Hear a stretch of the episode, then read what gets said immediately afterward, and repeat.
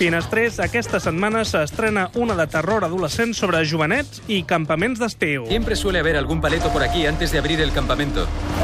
En los Estados Unidos no llamaríamos a esto campamento. Summer Camp, el subgènere campaments d'estiu, ha donat un munt de pel·lícules de caire adolescent, ja sigui en plan jovenets una mica sortits o bé jovenets assassinats.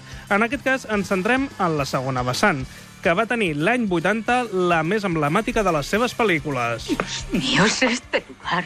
Steve nunca debió abrirlo. Han pasado demasiadas cosas aquí. Le han dicho que hace tiempo se ahogó un niño. Al año siguiente mataron a una pareja. Los monitores no vigilaban. Estaban haciendo el amor mientras el niño se ahogaba. Se llamaba Jason. Per aquest espai han passat Halloween, la matança de Texas... Algun dia havien de tenir divendres 13 a... La dada de la finestra. Un dels fets més polèmics del film va ser l'aparició d'una actriu de renom com Betsy Palmer per fer de Pamela Burgess, la mare del famós Jason. Anys més tard va reconèixer que la va fer per poder-se comprar un cotxe i que només llegir-se el guió va pensar que era una merda.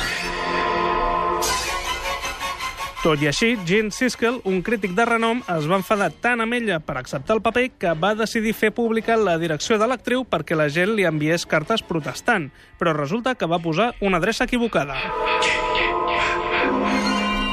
El film es va rodar íntegrament a un campament de New Jersey. De fet, encara funciona, i tenen instal·lat allà un muntatge d'accessoris de la pel·lícula com a record. Curiosament, existeix un campament anomenat Crystal Lake, com el de la pel·lícula, però està a Florida, no és en el que van rodar. El guionista Victor Miller li va donar el nom de Josh originalment a l'assassí. Va canviar a Jason, ja que l'estudi li semblava que Josh era un nom massa amigable. A França, però, es van prendre la llibertat de canviar-li el nom per Jackie. Després van haver de canviar-ho als DVDs, etc etc.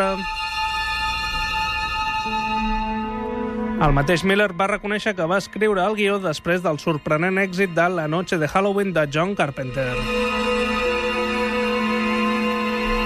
Sally Field va fer un càsting per fer d'Alice, la protagonista, però no la van agafar. No oblidem que també apareixia Kevin Bacon.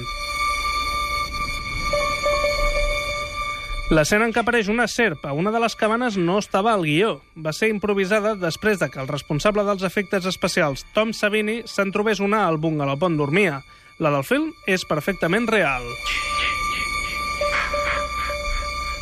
Va ser un dels films més vistos del 1980, un any amb una collita especialment bona en cinema de terror. El Resplendor, Vestida para matar, La niebla, Prom Night... Només un any més tard es va estrenar una lamentable paròdia del film titulada simplement Dissabte 14.